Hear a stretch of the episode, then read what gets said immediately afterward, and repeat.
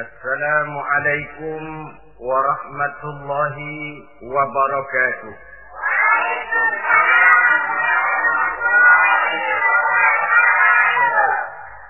بسم الله الرحمن الرحيم. الحمد لله رب العالمين. والصلاة والسلام على أشرف الأنبياء والمرسلين سيدنا ومولانا محمد. وعلى آله وأصحابه المجاهدين الطاهرين أما بعد Bapak-bapak, ibu-ibu, saudara-saudara kaum muslimin rahimakumullah. Pada pertemuan terdahulu kita telah membicarakan bagaimana memilih jodoh menurut tuntunan agama Islam. Maka pada pertemuan kali ini pembicaraan akan kita tingkatkan kepada bagaimana membina mahligai rumah tangga bahagia dengan menitik beratkan pembicaraan kepada kewajiban bersama baik sebagai suami maupun sebagai istri. Banyak rumah tangga bahagia tercapai apa yang menjadi cita-cita dan tujuan. Tetapi tidak jarang rumah tangga yang tenggelam sebelum sampai ke pantai yang akan dituju. Pada saat-saat perkenalan seseorang dalam usahanya mencari jodoh, dia merasa bahwa pasangannya itulah yang akan memberikan kebahagiaan kepadanya.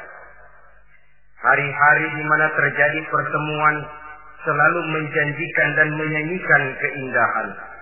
Bahkan sehari tak bertemu rasa seminggu, seminggu tidak bertemu rasa sebulan, sebulan tidak ketemu pingsan. Tidak ada tanda-tanda sesuatu itu akan menjemukan. Namun setelah memasuki kehidupan bahtera berumah tangga, baru beberapa bulan saja atau baru beberapa tahun saja, semua impian tadi sirna dan musnah. Bahagia yang disangka, sengsara yang datang menimpa. Keindahan yang diharap, malah kemalangan yang tumbuh. Hal ini disebabkan orang tidak meresapi hikmah daripada kehidupan berumah tangga, tidak menyadari tanggung jawab dan kewajiban yang akan berbuntut tidak timbulnya saling pengertian dan pada akhirnya tidak akan tumbuh ketenangan di dalam rumah tangga itu. Bukankah kewajiban akan saling memberikan pengertian, pengertian membawa ketenangan, dan ketenangan adalah tangga utama untuk mencapai rumah tangga bahagia. Oleh karena itu, kita mulai saja dengan kewajiban sebagai seorang suami di dalam memimpin rumah tangga bahagia ini. Yang pertama, kewajiban seorang suami ialah mempergauli istrinya dengan baik. Setiap suami, manakala selesai dia mengucapkan ijab dan kabul di hadapan tuan pengulu atau tuan kadi, maka ia pun mengucapkan sirat ta'lik yang berisi perjanjian dari seorang suami bahwa ia akan mempergauli istrinya dengan baik muasyarah bil ma'ruf menurut tuntunan syariat agama Islam. Walaupun janji itu pada zahirnya diucapkan di hadapan tuan pengulu, namun pada hakikatnya itu merupakan janji seorang muslim kepada Allah Subhanahu wa taala. Ini tidak lain karena nikah dalam pandangan Islam merupakan sesuatu yang sakral, merupakan sesuatu yang suci dan bagian daripada ibadah kepada Allah Subhanahu wa taala. Dalam surah An-Nisa ayat 19 Allah Subhanahu wa taala memberikan bimbingan. Ya ayyuhalladzina amanu la yahillu lakum an tarithun nisaa karha. Hai orang-orang yang beriman, tidak dibolehkan bagi kamu mengambil perempuan secara paksa. Dengan kata lain, pernikahan harus dilaksanakan atas dasar suka sama suka. Tidak ada pihak yang terpaksa dan tidak ada pula pihak yang dipaksa Kita hidup tidak lagi di satu zaman seperti zamannya Siti Nurbaya. Walaupun barangkali cinta memang bisa timbul setelah pernikahan, tetapi akan lebih baik kalau sebelumnya telah diawali dengan saling kenal mengenal, saling memahami latar belakang masing-masing untuk memudahkan timbulnya saling pengertian. ولا تعدلوهن لتذهبوا ببعض ما آتيتموهن illa ayatina bifahishatin مبينة dan jangan kamu mempersulit mereka. Karena ingin mengambil kembali sebagian dari apa yang telah engkau berikan kepada mereka kecuali apabila mereka telah nyata-nyata melakukan perbuatan-perbuatan yang keji wa asiruhunna bil ma'ruf. Dan pergaulilah istri-istrimu itu dengan baik. Wa in karihtumuhunna kalau kamu merasa tidak suka kepadanya bersabarlah. Fa asa an takrahu syai'an wa yaj'alallahu fihi khairan katsira. Karena boleh jadi kamu tidak menyukai sesuatu padahal Allah menjadikan di dalam sesuatu yang kamu tidak sukai itu kebaikan yang banyak bagimu. Ini merupakan tuntunan umum. Betapa seorang suami harus mempergauli istrinya dengan baik muasyarah bil ma'ruf menurut tuntunan syariat agama Islam. Karena bagaimanapun hak milik seorang suami terhadap istrinya adalah milkul manfaat, milik untuk mengambil manfaat, bukan milkul mutlak seperti seorang memelihara budak umpamanya. Yang bisa dihitam putihkan, bisa dijungkir balikan, bisa diperlakukan sekehendaknya, itu bertentangan dengan tuntunan agama kita. Adalah kewajiban seorang suami mempergauli istrinya dengan baik. Kemudian yang kedua, seorang suami harus menaruh perhatian, menjaga kehormatan, dan bila perlu turut membantu dan menolong pekerjaan istrinya. Menaruh perhatian sampai kepada hal-hal yang kecil sehingga si istri merasa bahwa dia mendapat perhatian. Ada dia mengadu, ada tempat dia melarikan persoalan, ada tempat dia bercerita. Sejak dari tingkah laku, berpakaian, berperhiasan, make up, dan lain sebagainya. Karena tanpa ada perhatian dari seorang suami, biasanya istri akan menjadi malas. Baik untuk bersolek, baik untuk membina dan mengatur rumah tangga dan lain sebagainya.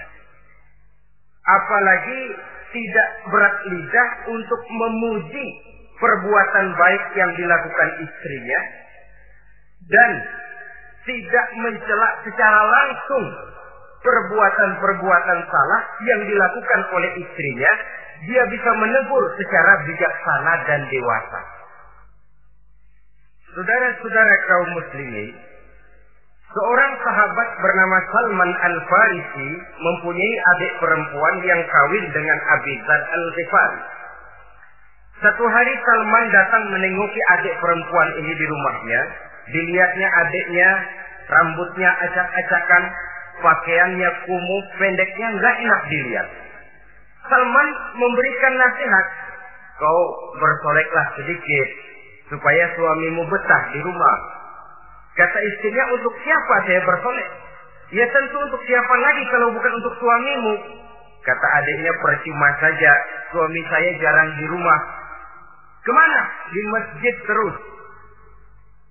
Salman mengadukan hal ini kepada baginda Rasul. Lalu baginda Rasul mengatakan, Inna likulli say'in hakkun. Segala sesuatu ada haknya. Allah ada haknya untuk disembah, istri pun mempunyai hak untuk dipenuhi. Melalaikan salah satu hak berarti melakukan kezaliman.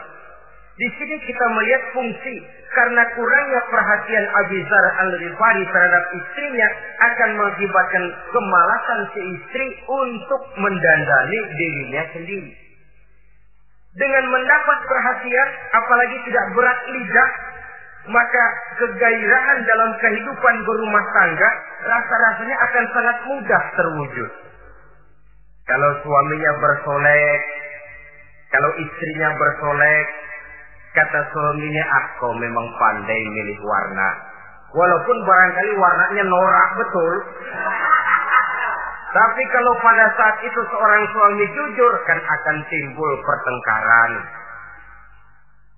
Kadang-kadang istri bersolek suami apa katanya? Lu sih dandan mangga dandan sama.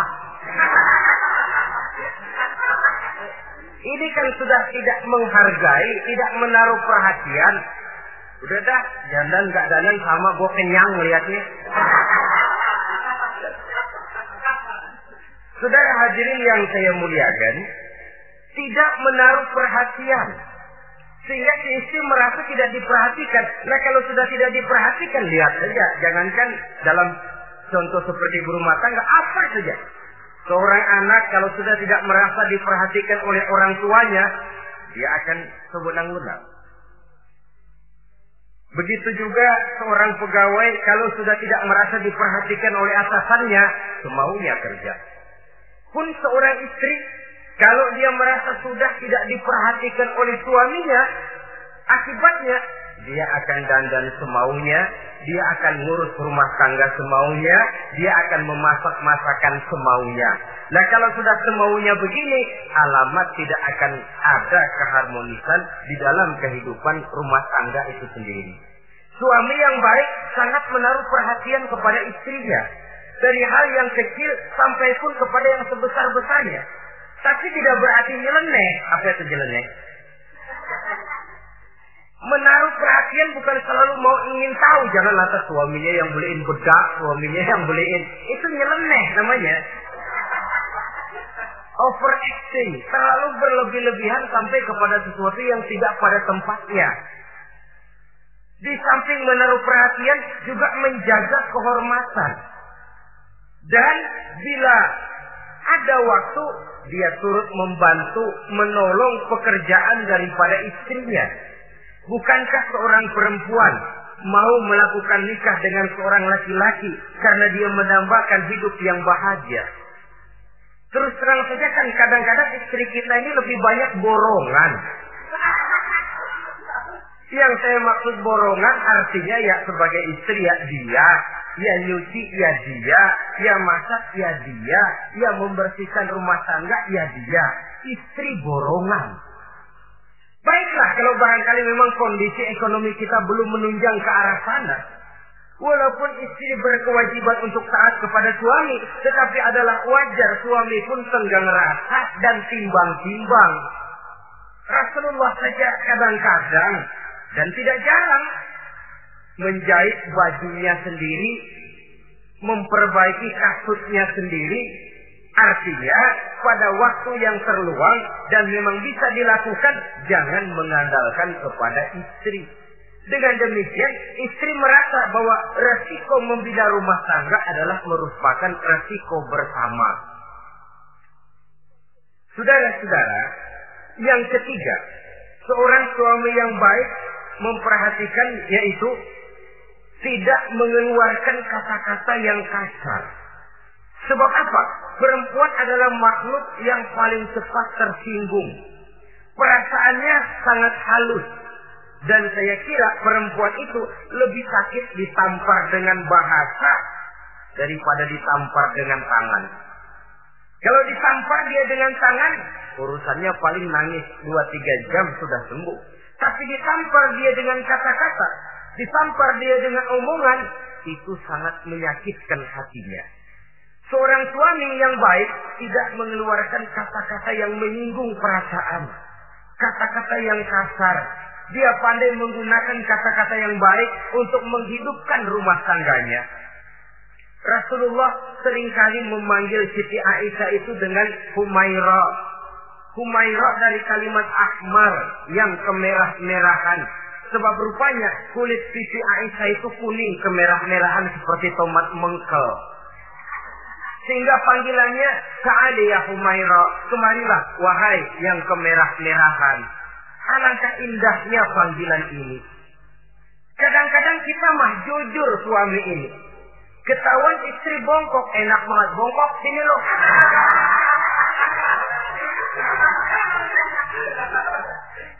Jujur tapi nyakitin.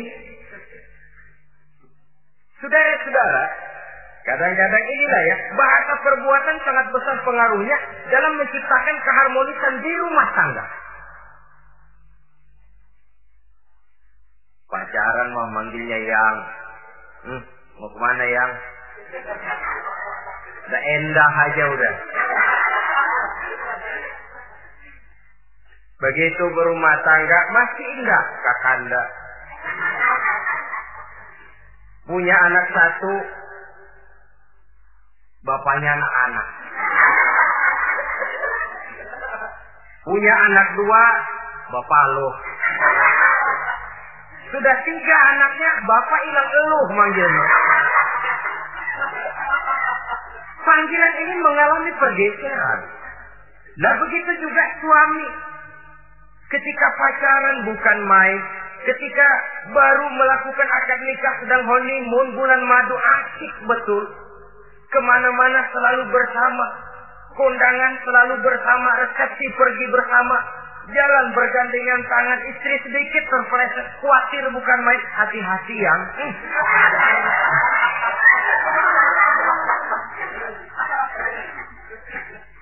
Sudah anak tiga, istri ngajak kondangan, kata suami, lo pergi duluan aja dah.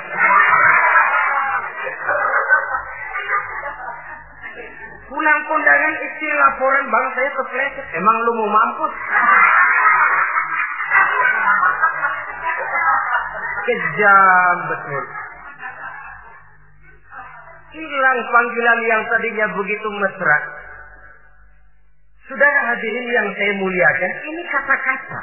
Kelihatannya kecil, sederhana, tapi sangat besar pengaruhnya dalam menciptakan rumah tangga yang bahagia ini.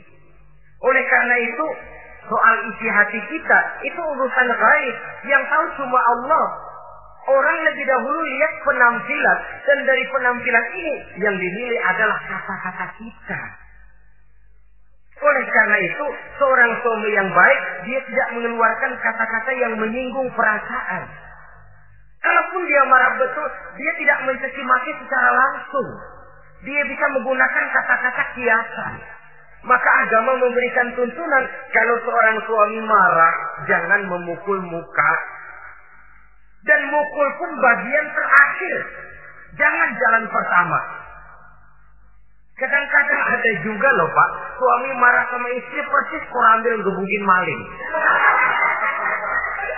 Aduh, gelebah, gelebuk, gak karuan. Jangan, kata agama kalau kau memang ya melihat tingkah laku istrimu yang tidak enak, tegur dengan kata-kata. Lemah lembut. Lemah lembut tidak bisa, sedikit keras. Sedikit keras masih nekat. Bentar. Bentar pun tidak bisa juga. Pisah tempat tidur. Pisah tempat tidur masih tidak bisa juga. Pukul. Jangan mukanya. Bagian lain dari tubuh. Itu pun tujuannya bukan untuk menyakiti. Tapi untuk mendidik. Saudara hadirin. Misalnya istri tidak sholat, suami tampil. Bu, sholat. Mbok ya malu sama tetangga kalau nggak sholat. Dengan lemah lembut masih tidak kena. Besok kencengan dikit ngomongnya. Mari kan udah saya bilangin sholat. Dua kali. Belum mau juga. Oh sholat jadi. Mulai naik tensi omongan. Masih nikah. Begini saja. Saya dari salam sampai bentak udah. Sekarang kamu nggak mau juga sholat. Saya mulai nggak enak pikirannya. Mulai ntar malam kamu tidur kamar depan, saya kamar belakang pisah tempat tidur. Kadang-kadang kan nggak kuat emosi kalau sudah marah sama istri ngebludak kalau istri. Diusir sudah pulang ke rumah monyang dan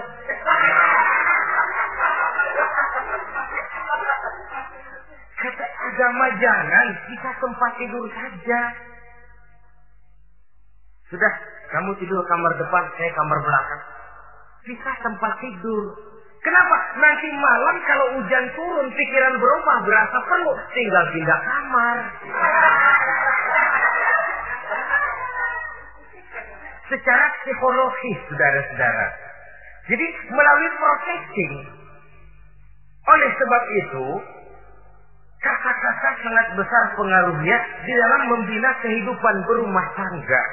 Seorang suami yang baik tidak mengeluarkan kata-kata yang bisa menyinggung istrinya Sebaliknya, istri pun demikian. Tidak mengeluarkan kata-kata yang bisa menyinggung perasaan suaminya. Sebab lebih dos, lebih dosa besar kata-kata suami istri yang menyinggung suaminya walaupun sama dosanya ya. Tapi lebih besar ketersinggungan seorang suami ketimbang seorang istri itu. Namun agama memberikan tuntunan suami lebih dahulu yang diajarkan. Jangan mengeluarkan kata-kata yang bisa menyinggung perasaan. Baik itu menyangkut dandanan istri, caranya pakaian, caranya jalan, ataupun masakannya. Masakannya sekalipun tidak kita sukai, ya ndak usah. Misalnya sayur keasinan, begitu dicobain menteleng mata pelatat, melotot keasinan. Ndak usah lantas tolak pinggang lu masak melotot ya. Ndak usah. Saudara hadirin yang saya muliakan, jadi itu dari segi masakan. Dari segi pakaian, umpamanya istri kita berpakaian tidak sesuai dengan tuntunan agama. Cukup kita bisa berkata, pakaianmu sebenarnya bagus. Motifnya, potongannya, kainnya. Cuma mbok kok kelihatannya kok potongan badanmu kok kelihatan betul dengan terbungkus pakaian seperti itu. Alangkah lebih baiknya. Nah, dengan demikian istri nggak terlalu tersinggung. Daripada sudah dandan bagus-bagus. Lalu istri suami ngobrol kata yang gak enak. Bagus loh kayak nangka di krosoin.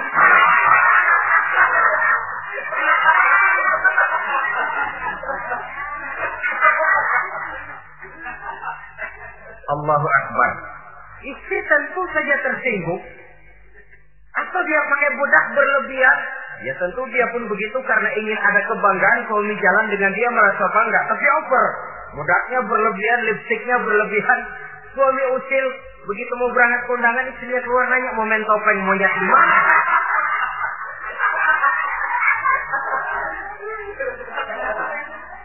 Tentu dia akan tersinggung karenanya. Jadi saudara-saudara, ini yang ketiga. Yang keempat, seorang suami yang baik jangan memberikan pekerjaan di luar batas kemampuan istrinya. Loh, tugas istri itu nyaris satu kali 24 jam. Seorang suami, bagaimanapun payah dia bekerja, pulang dia bisa istirahat, tidur malam dia bisa tidur dengan nyenyak. Tapi seorang istri, apalagi dia punya anak kecil, bayi misalnya, itu nyaris jam kerjanya satu kali 24 jam. Sejak bangun tidur sampai tidur lagi, bahkan tidurnya pun selalu diusik oleh anaknya. Anaknya kalem, bapaknya musik.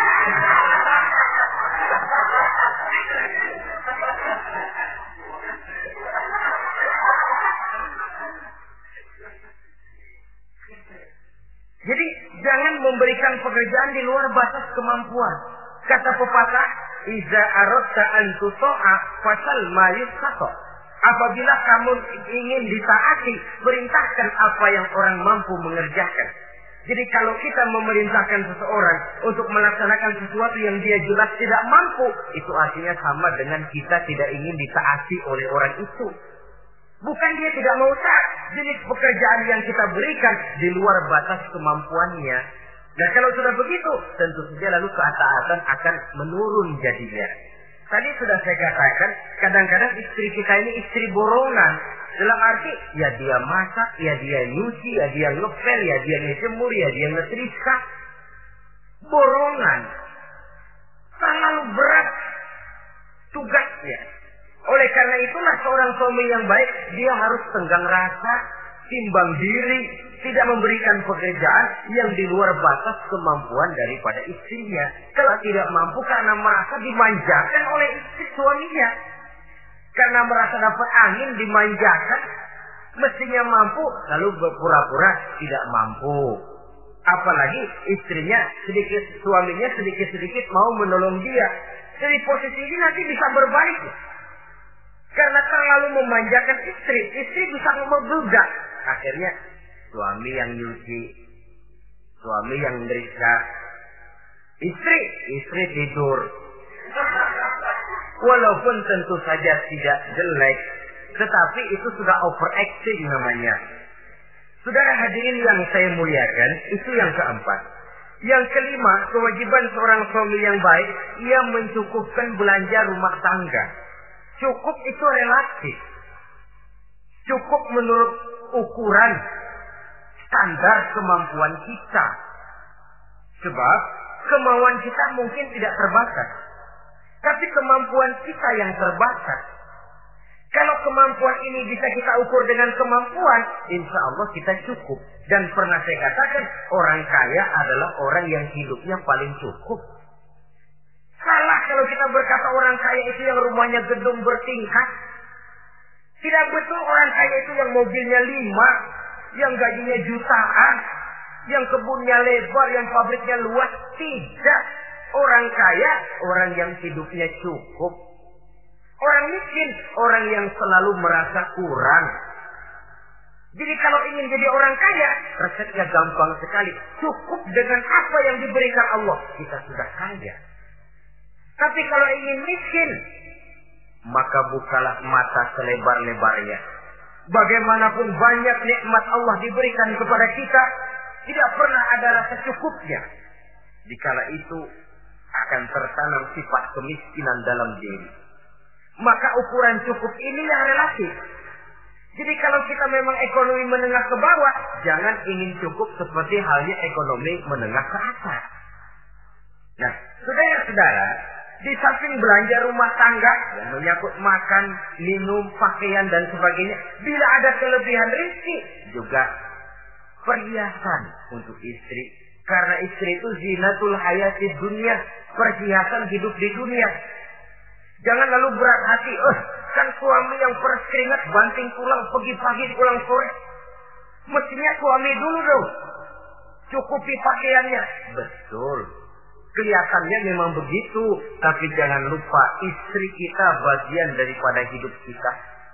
Baik dia dilihat orang, baik kita disebut orang. Jelek dia dipandang orang, jelek juga kita disebut orang. Dia adalah bagian daripada kehidupan kita. Orang kan sering bilang tuh, Mpo Ano, kenapa? Gue gerah banget lihatnya.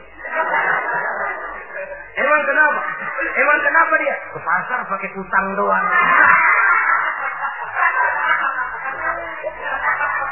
Kata temennya terang aja dia kan binnya si Meun itu. Si Meun yang nggak tahu apa-apa ikut kesebut-sebut. Istri adalah bagian daripada kehidupan kita. Zolim seorang suami mentang-mentang dia merasa dia yang cari duit, lalu buat dirinya dia beli pakaian yang mahal-mahal. Istrinya cuma nggak karung doang dipakai. Istri adalah bagian daripada hidup kita. Baik dia dilihat orang, baik kita disebut orang.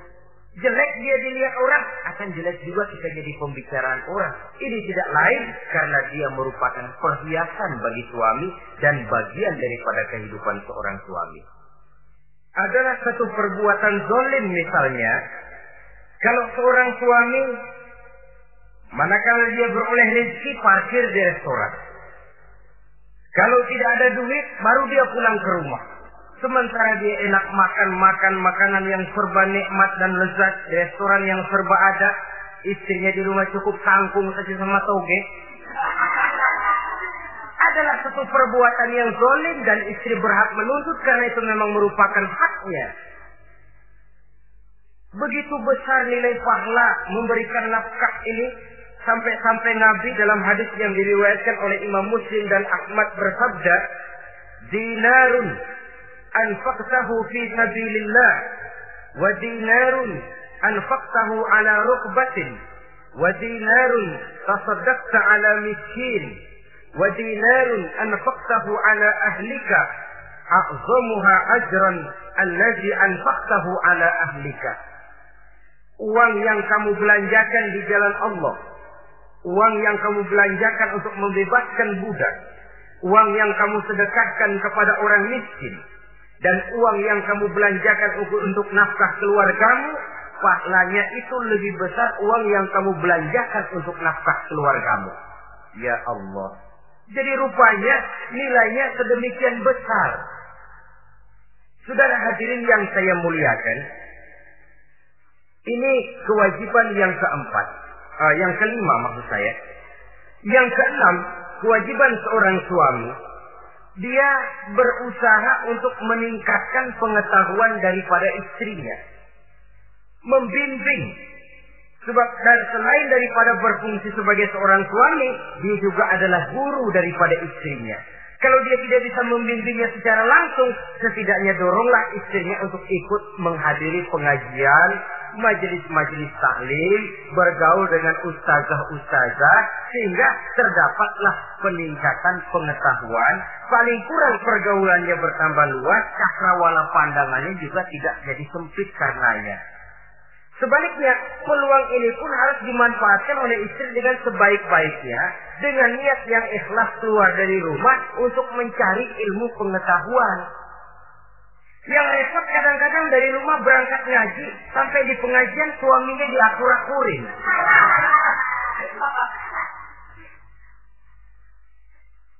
Atau tetangganya jadi bahan gunjingan. Ngajinya cuma setengah jam, ngomongin orangnya sejam setengah. Ini malaikat bingung kacau amat ya orang. Ini yang kadang-kadang menimbulkan hal-hal yang negatif. Padahal keluarnya dari majelis taklim. Keluarnya dari pengajian.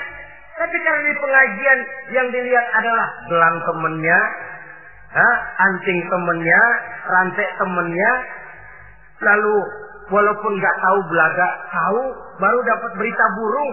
Katanya si Ano, oh iya, anu-anu.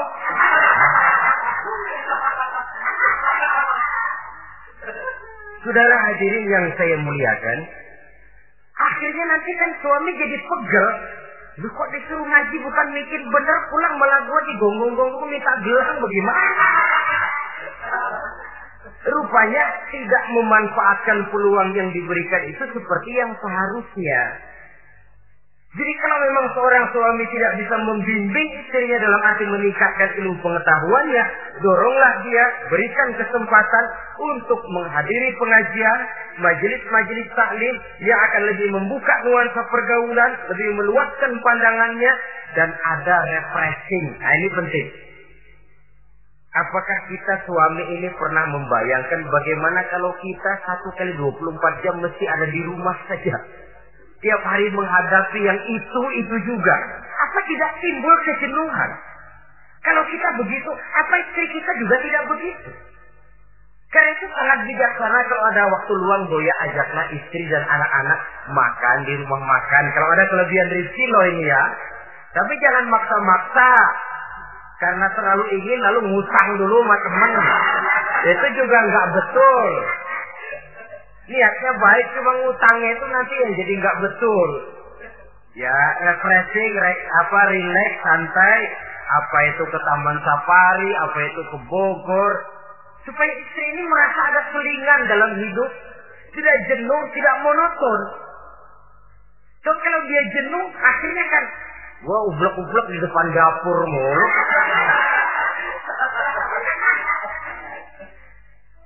Saudara hadirin yang saya muliakan, kejenuhan ini pada kan akan meledak. Nah, kalau meledak tanpa tersalurkan, dia akhirnya akan mencari saluran sendiri. Iya kalau positif, kalau negatif, innalillah wa inna ilaihi raji'un jadinya. Oleh karena itu, seorang suami yang baik berkewajiban meningkatkan pengetahuan istrinya. Sebab boleh jadi istri tidak melaksanakan kewajiban karena tidak tahu ya. Dan kalau istri nggak tahu jangan digoblok-gobloki. Mestinya dibimbing, diberikan kesempatan ngaji. Kamu sih disuruh gini aja kok nggak bisa memang goblok aku ini.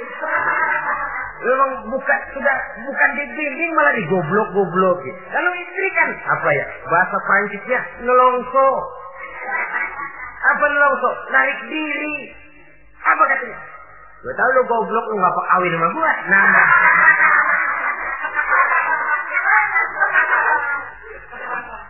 Atau pada kata yang lebih nggak enak. Gue digoblok-goblokin juga, dipakai juga. Nah.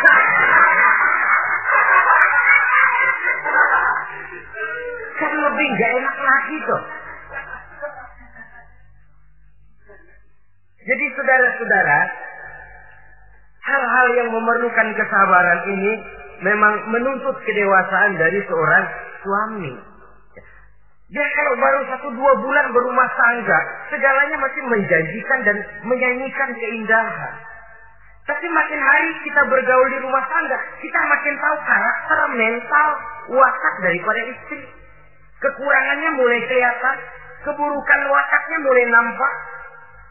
Dikala itulah kita sebagai suami harus dewasa, sabar, membimbing mereka. Kalau waktu dua tiga bulan pertama di rumah tangga namanya honeymoon, segalanya indah. Mana ada kekurangan? Masa keasinan, lezat. Nasi kekerasan, asyik. Segalanya nggak pernah salah, selalu betul. Suami istri masa keasinan, lihat si suami melotot makan, nanya, bang sayur keasinan, enggak, enggak. Soal, soal keasinan bagus, keasinan masih bagus. Kenapa? Udah endah aja. Tapi mampukah ini bertahan? Ini yang jadi masalah. Mempertahankan suasana kebaruan itu. Sudah hadirin yang saya muliakan. Yang ketujuh, kewajiban suami ini, suami yang baik, memberi kesempatan kepada istri untuk nengok, bersilaturahmi dengan orang tuanya, kerabatnya, atau tetangganya. Walaupun nanti ya, istri tidak boleh menggunakan ini secara salah. Karena apa? Karena orang tua dan mertua itu cuma istilah. Hakikatnya ya sama. Yang mertua ya orang tua. Ya apalagi orang tua. Itu cuma satu istilah. Perbedaan istilah tidak harus menyebabkan kita berbeda sikap. Jangan kalau mertua yang datang, suami curiga. Karena istri didorong-dorong. Babe itu datang. Babelu katanya. Lalu belum apa-apa sudah buruk sangka biasa Babelu. Biasa katanya. Nah, biasa ini sudah gak enak tuh. Biasa datang bawa jeruk pulang minjem duit. Allahu Akbar. Ini kan sudah menanamkan rasa gak enak. Malah akan lebih baik kalau mertua yang datang, suami menyambut lebih dahulu. Tidak akan nampak kecintaannya. Tidak lagi membedakan antara mertua dengan orang tua karena cuma cuma sekedar istilah. Memberikan kesempatan dan seorang istri pun walaupun akan ke rumah orang tuanya sendiri, izin suami itu wajib. Jangan merasa saya kan mau ke rumah orang tua sendiri, kepada orang tua kan ibadah, wajib betul. Tapi setelah punya suami, ranking pertama suami. Bukankah saudara pernah dengar satu riwayat seorang sahabat akan pergi jihad di jalan Allah, perang membela agama. Ketika akan berangkat dia pesan sama istrinya, aku mau perang membela agama. Aku pesan, kalau aku belum pulang ke rumah, kau jangan keluar rumah. Baik bang, berangkatlah si suami dengan iringan doa istrinya. Lihat, ini istri yang baik ya. Suami pergi kantor, istri doa. Di situ letak kerjasama. Suami buka warung, istri sembahyang duha. Di situ letak kerjasama. Ya Allah, kata istri dalam duhanya itu, mudahkan rezeki suami saya. Kalau memang rezekinya masih di langit, turunin ya Allah. Kalau masih terpendam di perut bumi, keluarkan ya Allah. Kalau masih jauh, dekatkan ya Allah. Ikhlas melepas suami dengan iringan doa. Suami pun berusaha lulapan terasa jalannya. Tapi kalau dari berangkat keluar rumah sudah dilepas oleh demo. Tahu demo? Moyo. Itu suami berangkat juga hatinya sudah kusut. Sudah tidak dilepas dengan doa. Lalu si istri juga barangkali suaminya berangkatnya dumel. Ya, jangan dikasih rezeki ya Tuhan, tadi dikasih rezeki gak kawin lagi. Nah.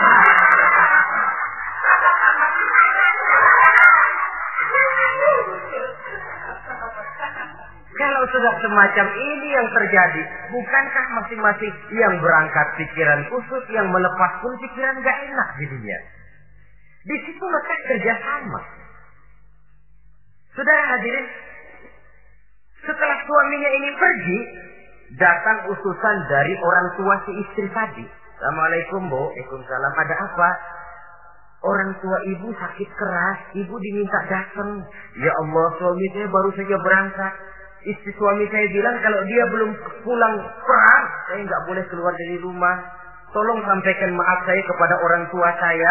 Saya belum bisa datang karena suami saya pesan begitu. Pulang utusan ini. Besok balik lagi. Gimana? Aduh bu, orang tua ibu makin parah. Kelihatannya nggak ada harapan datang dah sebelum menghembuskan nafas yang terakhir. Suami saya belum pulang. Saya nggak berani keluar rumah sebab begitu pesannya. Sudah pulang saja. Saya ikut doa mudah-mudahan orang tua cepat sembuh. Besoknya hari ketiga utusan ini datang lagi. Bagaimana? Sudah meninggal bu. Barangkali sebelum dikubur ibu masih mau ketemu. Maaf saja. Bagaimanapun berat hati saya, suami saya belum pulang. Pesannya tadi begitu. Ini rupanya utusan kesel. Ini orang mau orang tua sendiri gini-gini amat. Lalu lapor kepada baginda Rasul. Apa jawab beliau? Baginda Rasul malah berkata, dosa orang tua yang meninggal ini sudah diampuni oleh Allah karena dia mempunyai anak perempuan yang begitu taat kepada suaminya. Allah Akbar. Jadi ketahatannya kepada suaminya ini diberikan satu ganjaran oleh Allah mengampuni dosa orang tuanya yang sudah meninggal Jadi jangan merasa mentang-mentang mau ke rumah orang tua sendiri, selonong boy. Ya, selonong boy.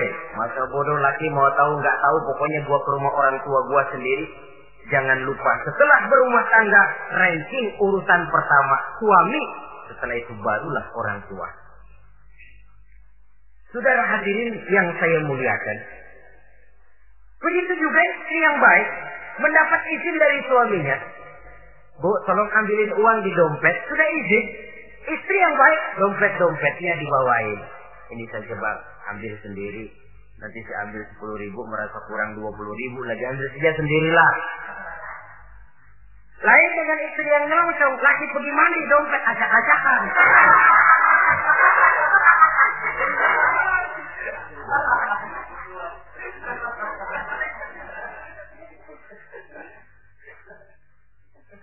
Sudah hadirin yang saya muliakan, baik silaturahmi itu kepada orang tua atau kerabat, famili, andai tolan, keluarga lain ataupun tetangga. Tetangga itu perlu sepanjang dia menghasilkan nilai-nilai positif. Karena memang kita makhluk bermasyarakat. Yang tidak boleh kalau dengan bertetangga itu lalu menghasilkan hal-hal yang negatif. Saudara hadirin, yang kedelapan, seorang suami yang baik wajib bersikap lapang dada dan sabar menghadapi kekurangan-kekurangan yang ada pada istrinya. Lapang dada dan sabar. Sebab memang membangun manusia itu lebih sulit dari membangun jembatan. Kalau memperbaiki jembatan, mungkin seminggu dua minggu selesai. Tapi memperbaiki watak seseorang memerlukan waktu lama. Prosesnya diperlukan kesabaran, sikap lapang dada, dan sebagainya. Seorang suami harus bersikap lapang dada dan sabar menghadapi kekurangan-kekurangan yang ada pada istrinya. Dan kekurangan-kekurangan itu tidak harus dia ceritakan kepada yang lain. Kan ada toh kadang-kadang suami kalau ngobrol sama temennya kekurangan istrinya jadi jadi topik diskusi. Ini gue payah banget dah. Lu nggak ada yang nanya istrinya dipayahin di mana-mana. Kayaknya nggak malu. Meng mengorek air sendiri kan menepuk air di dulang toh itu artinya. Kalau aib istri kita, kita ceritakan di mana-mana. Bukankah artinya kita juga menceritakan aib kita sendiri? Karena istri bagian daripada kehidupan kita. Sebagaimanapun seorang istri tidak wajar menceritakan aib dan kekurangan suaminya di mana-mana. Malah dia harus menutupi. Malah kelemahan-kelemahan dan kekurangan suaminya harus dia jaga. Dia tetap bangga di mata saya suami saya adalah Arjuna yang tidak punya kekurangan apa-apa. Kalaupun orang bawakan berita, ah, tidak betul itu. Walaupun hatinya panas, tapi dia masih bisa menunjukkan wajah yang sejuk, senyum dalam hati yang panas. Sebab saudara-saudara, apabila kita tidak punya filter, ini kadang-kadang kita mau tenang, kita bisa dibakar oleh yang lain. Tapi kalau ada filter, kita bisa menyaring, boya masa iya. Sehingga dengan demikian, sikap lapang dada dan kesabaran ini, walaupun diutamakan adalah merupakan kewajiban suami, juga sekaligus merupakan imbangan daripada si istri. Nah, kemudian yang kesembilan, seorang suami wajib berpenampilan bersih dan rapi di hadapan istrinya. Sehingga tanpa anggun. Anggun ini lalu menimbulkan wibawa. Nah, dari wibawa lahir rasa hormat. Tapi kalau suami di depan istrinya kelihatan busut, rebek, jelek, belek,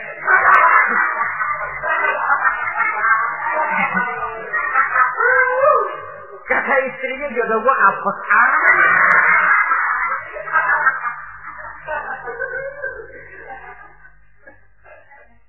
Tidak akan timbul kewibawaan. Nah kalau sudah tidak timbul wibawa, ya bagaimana si istri itu akan merasa dia wajib taat kepada suami. Saudara hadirin yang saya muliakan, jadi ternyata penampilan bukan cuma kewajiban istri. Seorang suami juga harus mengimbangi itu. Sehingga dengan demikian keterasian dalam kehidupan di rumah tangga itu akan terasa jadinya. Nah inilah pada prinsipnya kewajiban daripada suami. Lalu kemudian apa kewajiban istri? Yang pertama, saudara-saudara, terutama ibu-ibu tentu, istri itu berkewajiban untuk taat dan patuh kepada suaminya. Sepanjang perintah suaminya itu tidak untuk bermaksiat kepada Allah. Jangankan amalan yang mubah, amalan yang sunnah saja tidak diizinkan oleh suami, masih dikerjakan oleh istrinya. Dosa. Itu amalan sunnah.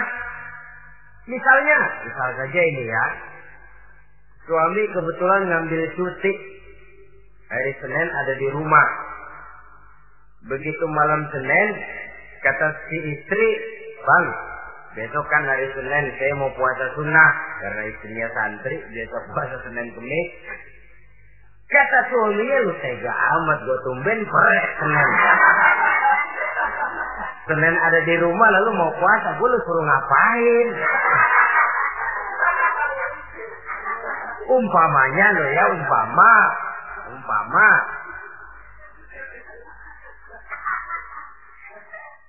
Lalu tanpa izin si suami, istri puasa juga puasa tunai. Bukan saja tidak mendapat pahala, malah dosa hukumnya. Ini amalan sunnah. Apalagi tibang pergi arisan. Apalagi tibang pergi tetangga. Amalan sunnah tidak mendapat izin daripada si suami. Dosa untuk dikerjakan. Dengan pertimbangan tadi, ya tumben cuti hari Senin. Istri dadakan puasa, lah suami nganggur total.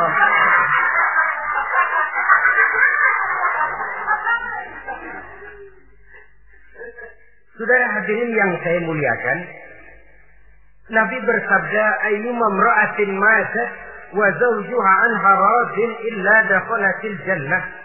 apabila seorang istri, seorang perempuan meninggal dunia, suaminya ridho kepadanya, maka perempuan itu pasti masuk surga.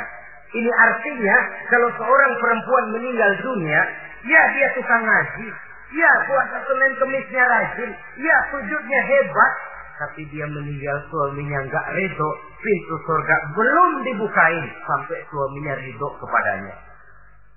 Ini begitu besar kewajiban untuk taat Nah, di sini suami wajib mengimbangi. Jangan mentang-mentang istri wajib taat, lalu suami overacting kerjanya cuma tulak pinggang sama nunjuk. Lo, kalau gue bilang nyungsep, nyungsep. Ya enggak. Yang contoh dari baginda Nabi tadi sendiri kok beliau itu menjahit bajunya, memperbaiki kasusnya. Yang bisa ia kerjakan nggak usah ngandeli. Saudara hadirin, yang kedua, Seorang istri berkewajiban untuk memperlihatkan budi pekerti yang baik kepada suaminya. Lah, budi pekerti itu yang baik yang bagaimana? Yang diisyaratkan oleh Nabi. Apa kata beliau? Khairun nisa. Perempuan yang baik ialah man sarratka iza absorta yaitu yang mengembirakan kamu apabila kamu memandang kepadanya. Satu. Ini termasuk budi pekerti yang baik. Apabila dipandang oleh suaminya, dia pandai menyenangkan, menggembirakan hati suaminya. Jadi, tolong ibu-ibu, jadilah istri yang siap pakai. Nah, itu tuh. Itu istilahnya. Anytime already, standby. ya. Apabila dipandang, dia sanggup menggembirakan hati suaminya. Suami pulang dari pasar dagang rugi, istrinya tampil. Itulah bang romantikanya dagang. Boya sekali-sekali rugi. Apa boya selalu untung. Gelombang laut saja pasang surut. Lah suami kan merasa ada air penyejuk. Ini termasuk menggembirakan. Jangan suami sudah pulang dari pasar rugi, mikul panjang, ngos-ngosan sampai rumah istri keramah. Lasar lu laki goblok. Dagang pakai rugi. Ini kan suami sudah di pasar rugi. Sampai rumah digoblok-goblokin. Nah itu nanti ya efeknya suami itu kalau sudah istri nggak menyenangkan hatinya di rumah, si suami itu kena penyakit ya istilah sekarang ini penyakit broken home. Nah penyakit nggak betah di rumah. Mestinya dia kumpul di rumah, landada akan di pos antik ke kongkok. Sampai subuh lagi, sampai subuh. Sampai subuh. Saudara hadirin yang saya muliakan, pandai menggembirakan, menjadi penghibur. Usaha suami gagal, dagangnya rugi. Gairahnya bekerja menurun. Di saat itu istri tampil jadi pengimbang yang baik. Sehingga dengan demikian istri suami lalu merasa ada sedikit air penyejuk. Apabila dipandang, dia pandai menyenangkan hati suaminya. Bagus kalau seorang istri pada saat ada suaminya di rumah dia berdandan dan suaminya tinggal di rumah dia apa adanya. Dan keliru besar sebab dandannya seorang istri dengan niat untuk menyenangkan hati suaminya merupakan ibadah. Saudara hadirin, ciri yang kedua dari budi pekerti yang baik seorang istri itu apa? Wa tuti'aka iza amarka. Kalau diperintah, dia taat kepadamu. Diperintah, dia sepanjang perintah itu tidak untuk bermaksiat kepada Allah. Yang ketiga lagi cirinya watahfaz watahfazu ghibataka fi nafsiha wa malika. Dia menjaga, dapat menjaga diri baik pada waktu kamu tidak ada. Baik menjaga dirinya sendiri ataupun menjaga hartamu. Tidak menggunakan kesempitan di dalam kesempitan. Ini ciri dari budi pekerti. Yang ketiga, sekarang kewajiban seorang istri dapat mengatur rumah tangga dengan baik dan rapi. Oh, mengatur rumah tangga itu kan tidak perlu biaya yang mahal-mahal. Asal ditempatkan pada tempat yang terasi, komposisi warna yang cocok, tidak perlu perhiasan yang mewah-mewah. Orang lalu terkesan rumahnya ini sejuk ya. Kenapa? Tata ruangannya kok enak dilihat, apik. Gak karena mentang-mentang semua kepengen dilihat orang, semua ditaruh di ruang tamu. Sampai tempayan piring. Naik ke ruang tamu semua. Walaupun mahal, tapi kalau tidak pada tempatnya, kan orang lalu. Ini kok terlalu amat ya. Dapat menata. Dan menata ini tentu karena pergaulan. Saudara hadirin yang saya muliakan, sehingga dengan demikian ada suasana kebetahan. Orang di rumah itu merasa seperti eh, itulah yang dikatakan Nabi, baiti jannati, rumah tangga laksana surga bagiku. Laksana kebun, tempat di mana kita melepaskan lelah, tempat di mana kita menemukan ketenangan, tempat di mana kita menemukan refreshing dari segala kejenuhan dan kelelahan akibat tugas-tugas yang kita hadapi. Baik di kantor, di tengah masyarakat, di pasar, dan lain sebagainya. Yang keempat, jangan menambah kesulitan suami. Syukur kalau malah bisa membantunya. Bahwa ada seorang istri yang bekerja, itu bagus. Asal bisa menjaga diri dan bisa menjaga kepercayaan dan kehormatan daripada suaminya. Dan suami pun yakin bahwa jenis pekerjaan yang dikerjakan oleh istrinya itu tidak bertentangan dengan agama. Tapi malah kalau sampai si suami yang mempekerjakan istrinya mengeksploitir istrinya, ini zolim. Istrinya yang disuruh kerja. Suami ongkang-ongkang kaki di rumah. Istrinya yang persegat banting tulang. Ya kalau kerja, kalau dikerjain lebih parah lagi. Kan tidak sedikit toh problema rumah tangga semacam ini. Sehingga dengan demikian akhirnya apa? Kendali rumah tangga di tangan istri. Karena istri merasa yang dia yang cari duit. Istri merasa dia yang berusaha. Kenapa dia tidak mengendalikan rumah tangganya? Jika itu jatuhlah suami di bawah komando istrinya. Hilang wibawa, hilang karisma, tidak ada ketakutan. Malah akhirnya berbalik seolah-olah si suami jadi istri dan si istri menjadi suami. Apalagi di zaman seperti sekarang. Walaupun pekerjaan sulit, tapi mereka yang punya wajah cantik, mudah senyum, gampang bergaul, dan mau obrol. Tentu banyak saja lapangan kerja yang nyata-nyata bertentangan dengan agama. Nah, yang terakhir, kewajiban daripada istri ialah hemat, cermat, rajin, dan pandai menyimpan kalau dia diberikan perhiasan oleh suaminya, niatnya tidak lain. Pertama menyenangkan hati suaminya. Yang kedua berjaga-jaga kalau nanti ada kesulitan. Toh perhiasan ini bisa dimanfaatkan. Tidak untuk show, tidak untuk sombong-sombongan, tidak untuk hebat-hebatan. Tapi dua hal yang jadi pilihan utama tadi. Dengan sikap hemat, cermat, rajin, dan pandai ini, menyimpan, memanfaatkan, dan menggunakan, maka nilai ekonomi di rumah tangga insya Allah akan mengalami stabilnya. Dengan demikian, saudara-saudara, secara sepintas, kewajiban suami dan istri sudah kita bicarakan. Dengan saling melaksanakan kewajiban akan timbul saling pengertian. Dari pengertian akan timbul ketenangan. Dari ketenangan, insya Allah akan terwujud rumah tangga yang bahagia. Insya Allah nanti pembicaraan akan kita lanjutkan yang mengenai kewajiban bersama dan kewajiban orang tua terhadap anak-anaknya. Mudah-mudahan ini bermanfaat. Terima kasih atas perhatian saudara. Mohon maaf atas segala kekurangan. Usikum wa nafsi bitaqwallah.